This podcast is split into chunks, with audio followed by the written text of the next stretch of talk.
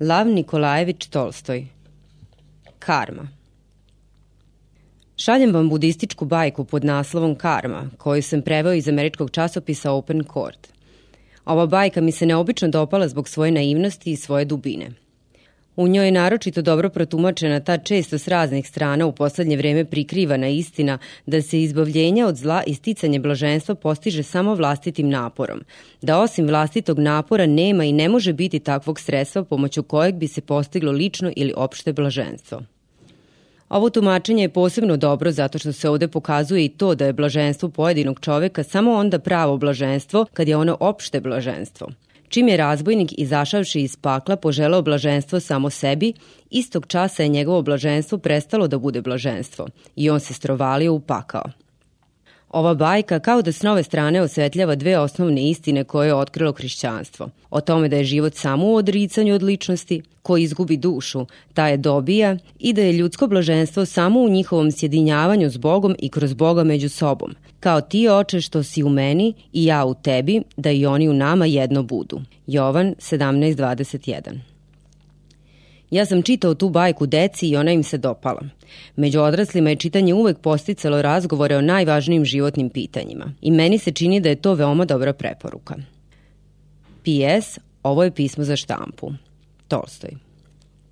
Pandu, bogati zlatar iz bramanske kaste, putovao je sa svojim slugom u Benares. Stigavši na putu dostojanstvenog kaluđera koji je išao u istom pravcu, pomisli – Ovaj kaluđer ostavlja utisak plemenitog i svetog čoveka. Poznanstvo s dobrim ljudima donosi sreću. Ako i on ide u Benares, pozvaću ga da se poveze sa mnom u mojim dvokolicama. I, poklonivši se Kaluđeru, upita ga kuda ide i doznavši da Kaluđer koji se zvao Narada isto tako ide u Benares, pozva ga u svoje dvokolice. Hvala vam na vašoj dobroti, reče Kaluđer Bramanu. Ja sam doista posustao od dugog putovanja. Pošto nemam lične svojine, ne mogu vam se odužiti novcem, ali može se dogoditi da uzmognem da vam uzvratim kakvom duhovnom dragocenošću iz riznice znanja koje sam stekao pridržavajući se učenja Sakija Muni, blagoslovenog velikog bude, učitelja čovečanstva. Oni krenuše dvokolicama i Panduje putem sa zadovoljstvom slušao poučne na radine reči. Pošto su se vozili jedan sat, stigoše do mesta gde je put bio izlokan sa obe strane i seljačke taljige sa slomljenim točkom isprečiše im se na putu.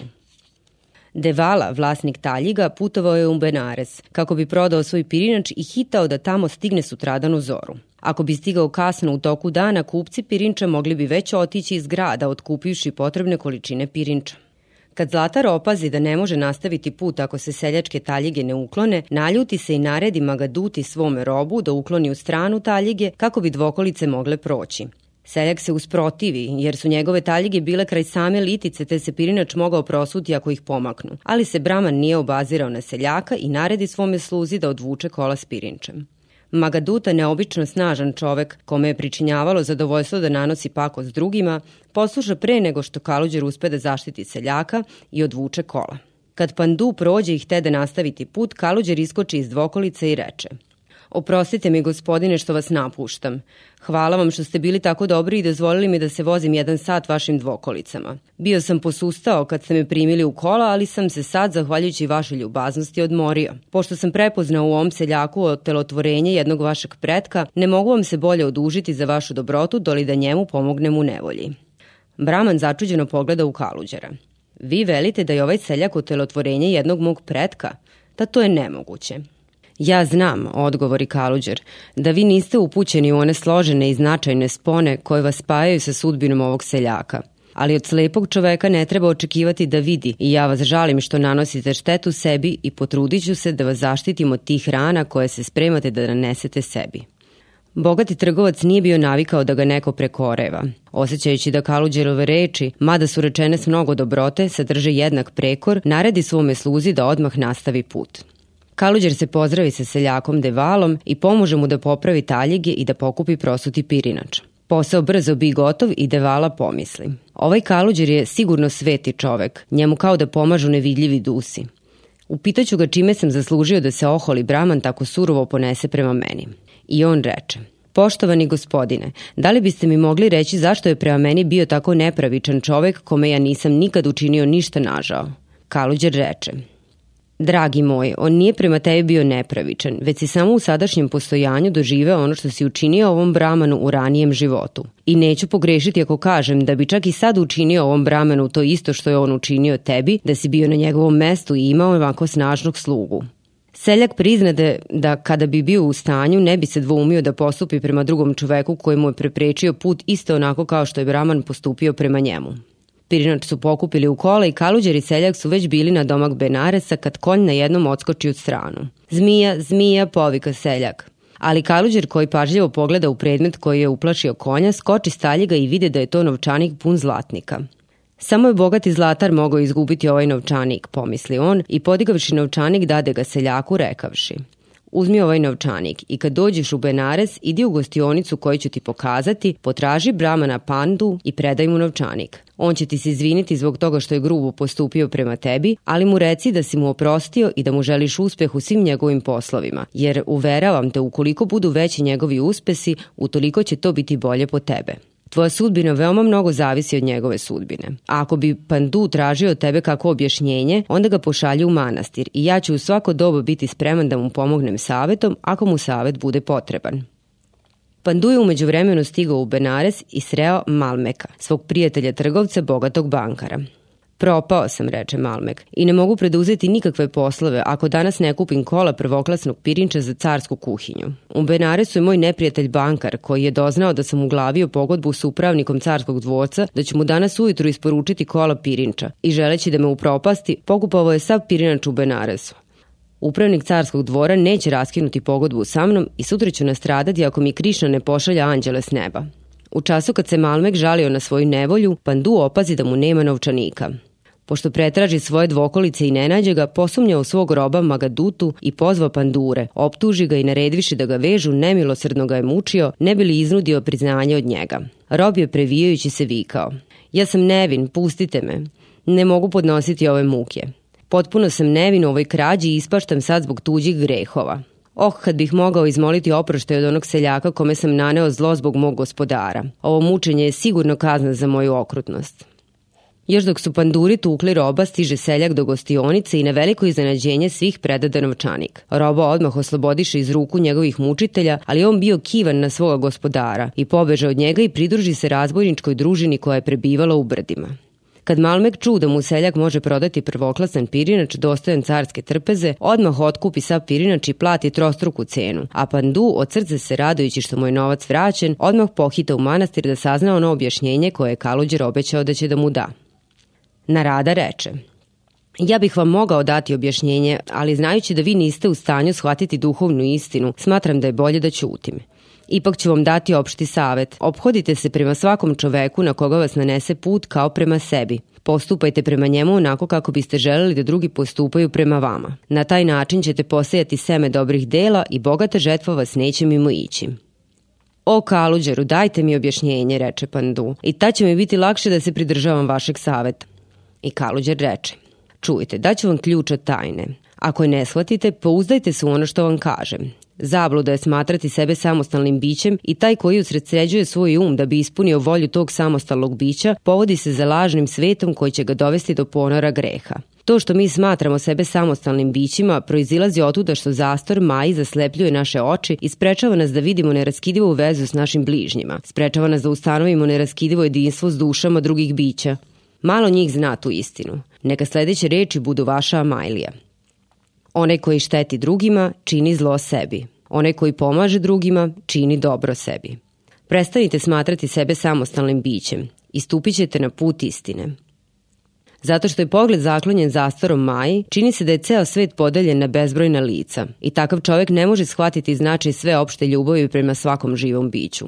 Pandu odgovori – Vaše reči, poštovani gospodine, imaju duboki značaj i ja ću ih zapamtiti. Učinio sam beznačajnu uslugu koja me nije ništa koštala siromašnom kaluđeru kad sam putovao u Benares i evo koliko je blagodeti proizašlo otuda. Veoma sam zahvalan, jer bih bez vas ne samo izgubio svoj novčanik, već u Benaresu ne bih mogao obaviti sve one trgovačke poslove koji su znatno povećali moj imetak. Osim toga, vaša pomoć i pristizanje kola sa pirinčem doneli su dobit mom prijatelju Malmeku. Ako bi svi ljudi spoznali istinu vaših načela, koliko bi bio lepši naš svet, koliko bi bilo manje nevolja u njemu i koliko bi se povećalo opšte blagostanje. Želeo bih da istinu bude shvate svi i zato želim da osnujem manastir u svom rodnom kraju Kolšambi i pozivam vas da me posetite kako bih taj hram mogao posvetiti bratstvu budinih učenika.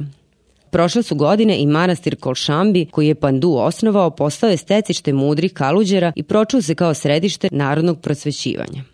Tada susedni car, doznavši o lepoti skupocenih ukrasa koje pravi Pandu, poslao ovom svog prizničara da naruči krunu od čistog zlata ukrašeno najskupocenijim kamenjem Indije.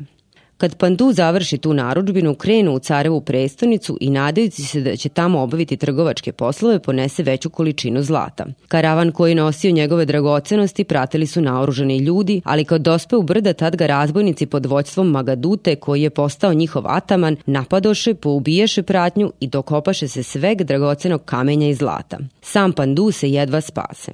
Ta nesreća nanela je veliki udarac Panduovom imetku. Njegovo bogatstvo se znatno smanjilo. Pandu je bio veoma ogorčen, ali je podnosio svoju nevolju bez roptanja. Mislio je, zaslužio sam ovaj gubitak gresima koje sam počinio u ranijem životu. U mladosti sam bio okrutan prema ljudima. Iako sad žanjem plodove svojih rđavih dela, onda se nemam rašta žaliti. Pošto je postao mnogo bolji prema svim živim bićima, znači da su mu nevolje samo pomogle da očisti svoje srce. Opet su prošle godine i dogodi se da Pantaka, mladi kaluđer i neradin učenik, putujući po brdima Kolšambi, dopade razbojnicima u ruke. Pošto ničeg nije imao, razbojnički ataman ga dobro izmlati i pusti. Sledećeg jutra Pantaka, idući kroz šumu, začu odjek bitke i pošto priđe mesto odakle su se čuli odjeci, opazi mnogo razbojnika koji su razjareno napadali svog atamana Magadutu. Magaduta je kao lava okružen psima odbijao njihove udarce i pobio je mnogo napadača, ali je njegovih neprijatelja bilo veoma mnogo i na kraju ga savladaše i on pade smrtno ranjen. Čim razbojnici odoše, mladi kaluđer priđe onima koji su ležali želeći da ranjenicima pruži pomoć. Međutim, svi razbojnici su bili mrtvi, samo se njihov vođa još borio sa životom. Kaluđer pohita do potoka koji je proticao u blizini, donese sveže vode u svoj tepsi i pruži je umirućem. Magaduta otvori oči i škrgućući zubima reče Gde su ti nezahvalni psi koje sam toliko puta vodio u pobede i uspehe? Bez mene će pogubiti glave kao šakali koje lovac uhvatio u hajci. Nemojte misliti da vašu sabraću i saučesnike vašeg grešnog života, reče Pantaka, već mislite na vašu dušu i iskoristite u poslednjem času tu mogućnost spasenja koja vam se pruža. Evo vam vode, dajte da vam previjem rane. Možda će mi poći za rukom da vam spasem život. To je uzalodno, odgovori Magaduta. Kucnuo je moj poslednji čas. Nitkovi su me smrtno ranili, nezahvalni podlaci. Zadavali su mi one udarce kojima sam ih učio. Vi žanjete ono što ste posejali, nastavi Kaluđer. Da ste učili svoju sabraću čestitim delima, vi biste doživjeli da se oni čestito obhode prema vama. Ali ste ih vi učili da ubijaju i zato ste, zahvaljujući svojim delima, nastradali od njihovih ruku. U pravu ste, odgovori razbojnički ataman. Zaslužio sam ovakvu sudbinu, ali je moj udes u toliko teži što moram da žanjem plodove svojih grešnih dela u budućim postojanjima. Naučite me sveti oče šta da učinim kako bi se izbavio od grehova što me guše kao da mi se stena svalila na grudi. I Pantaka reče, iskorenite vaše grešne želje, uništite zle strasti i ispunite dušu dobrotom prema svim živim bićima. Ataman reče, činio sam mnogo zala i nisam činio dobra dela. Kako se mogu iščupati iz ove mreže jada koju sam ispleo od zlih želja svoga srca? Moja karma odvući će me u pakao, nikad neću biti u stanju da prođem putem spasenja. I Kaluđer reče, Da, vaša karma požnjeće u budućim otelotvorenjima plodove onog semena koje ste posejali. Za izvršioca zločina nema spasa od posledice njegovih zločina. Ali ne očajavajte. Svaki čovek može da se spase samo pod tim uslovom da iskoreni iz sebe zablude ličnosti. Primera radi, ispričat ću vam priču o velikom razbojniku Kandati koji je umro ne pokajavši se i ponovo se rodio kao đavo u paklu, da je zbog svojih zločina ispaštao najstrašnije muke. Bio je u paklu mnogo godine i nije mogao da se izbavi iz svog očajnog položaja. Kad se Buda pojavio na zemlji i dostigao blaženo stanje prosvetljenja. U to znamenito doba zrak svetlosti pao je u pakao, postičući u svim demonima život i nadu i razbojnik kandata glasno povika. O blagosloveni Budo, sažali se na mene. Ja se strašno mučim i mada sam činio zlo, sada želim da krenem pravednim putem. Ali se ne mogu isplesti iz mreže jada. Pomozi mi gospode, sažali se na mene. Zakon karme je takav da zla dela vode u propast. Kad bude ču molbu demona koji se muči u paklu, posla mu pauka na paučini i pauk reče, uhvati se za moju paučinu i izađi uz nju iz pakla. Kad mu se pauk izgubi iz vida, kandata se uhvati za paučinu i stade se verati uz nju. Paučina je bila tako jaka da se nije kidala i on se peo po njoj sve više i više. Na jednom oseti da se nit počinje podrhtavati i njihati se zato što se za njim počeše uz paučinu verati i drugi grešnici. Kandata se uplaši, opazi kako je tanana paučina i opazi da se tegli od sve veće težine. Ali ga je paučina ipak držala. Kandata je pre toga gledao samo gore, sad pogleda dole i vidi da za njim puže uz paučinu beskrena gomila žitelja pakla. Kako može ovako tanka nit podneti težinu svih ovih ljudi, pomisli on i uplašivši se glasno povika. Pustite paučinu, ona je moja. I na jednom se paučina prekide i kandata pade nazad u pakao. Zabluda ličnosti je još živela u kandati. On nije znao čudesnu snagu iskrenog stremljenja da bi dospeo na pravedni put. To stremljenje je tanko kao paučina, ali ono podiže milione ljudi i ukoliko više ljudi puže uz paučinu, utoliko će lakše biti svakom čoveku ali čim se u srcu čoveka pojavi misao da je ta paučina moja, da dobro pravednosti pripada samo meni i neka ga niko ne deli sa mnom, tad se nit prekida i ti padaš nazad u prethodno stanje samostalne ličnosti. Samostalnost ličnosti je prokledstvo, a jedinstvo je blaženstvo. Šta je to pakao? Pakao nije ništa drugo doli samoljublje, a nirvana je opšti život. Dajte da se uhvatim za paučinu, umirući reče razbojnički ataman Magaduta kad Kaluđer završi svoju priču. I ja ću se spasiti iz ponora pakla. Magaduta je ćutao nekoliko časaka pribirajući misli, zatim produži. Slušajte me, ispovedit ću vam se.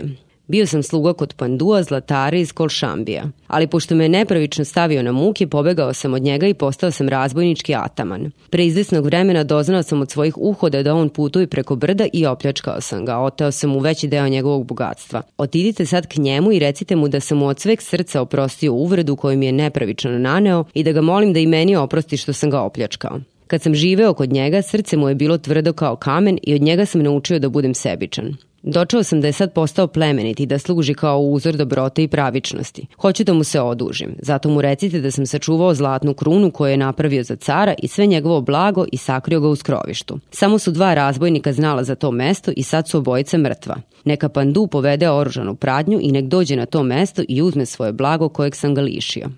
Zatim Magaduta reče gde je skrovište i umre na pantakinim rukama. Čim se mladi kaluđer Pantaka vrati u Kolšambi, ode Zlataru i ispriča mu o svemu što se zbilo u šumi. I Pandu krenu sa oruženom pratnjom do skrovišta i uze otuda sve dragocenosti koje je Ataman sakrio. I oni uz počasti sahraniše Atamana i njegovu poginulu sabraću i Pantaka nad grobom razmatrajući budin reči reče sledeće. Ličnost čini zlo, ličnost i strada od njega. Ličnost se uzdržava od zla i ličnost se oslobađa greha. Čistota i nečistota pripadaju ličnosti. Niko ne može drugoga osloboditi greha. Čovek mora sam uložiti napor. Budi se po volji samo propovednici. Naša karma, reče još Kaluđer Pantaka, nije delo Šivare ili Brame ili Indre, ili bilo koga od bogova. Naša karma je posledica naših postupaka. Moja delatnost je utroba koja me nosi i nasledstvo koje mi pripada i prokledstvo rđavih dela i blaženstvo moje pravednosti. Moja delatnost je jedino sredstvo mog spasenja. Pandu vrati u Kolšambi sve svoje blago i skromno trošeći svoje tako neočekivano vraćeno bogatstvo, mirno i srećno prožive svoj preostali život. I kad je umirao već u poznim godinama i svi se sinovi, kćeri i unuci okupiše oko njega, reče im – Draga deco, ne osuđujte druge zbog svojih nedaća. Tražite uzrok svojih nevolja u sebi. Iako niste zaslepljeni suetom, vi ćete ga naći, a pošto ga nađete, znaćete da se izbavite od zla. Lek protiv vaše nevolje je u vama. Neka vaš duhovni pogled nikada ne zakloni zastor Maji. Zapamtite ove reči koje su bile Amajlija mog života. Onaj koji nanosi bol drugome, nanosi zlo sebi. Onaj koji pomaže drugom, pomaže sebi. Neka nestanu zablude ličnosti i vi ćete stupiti na pravedni put.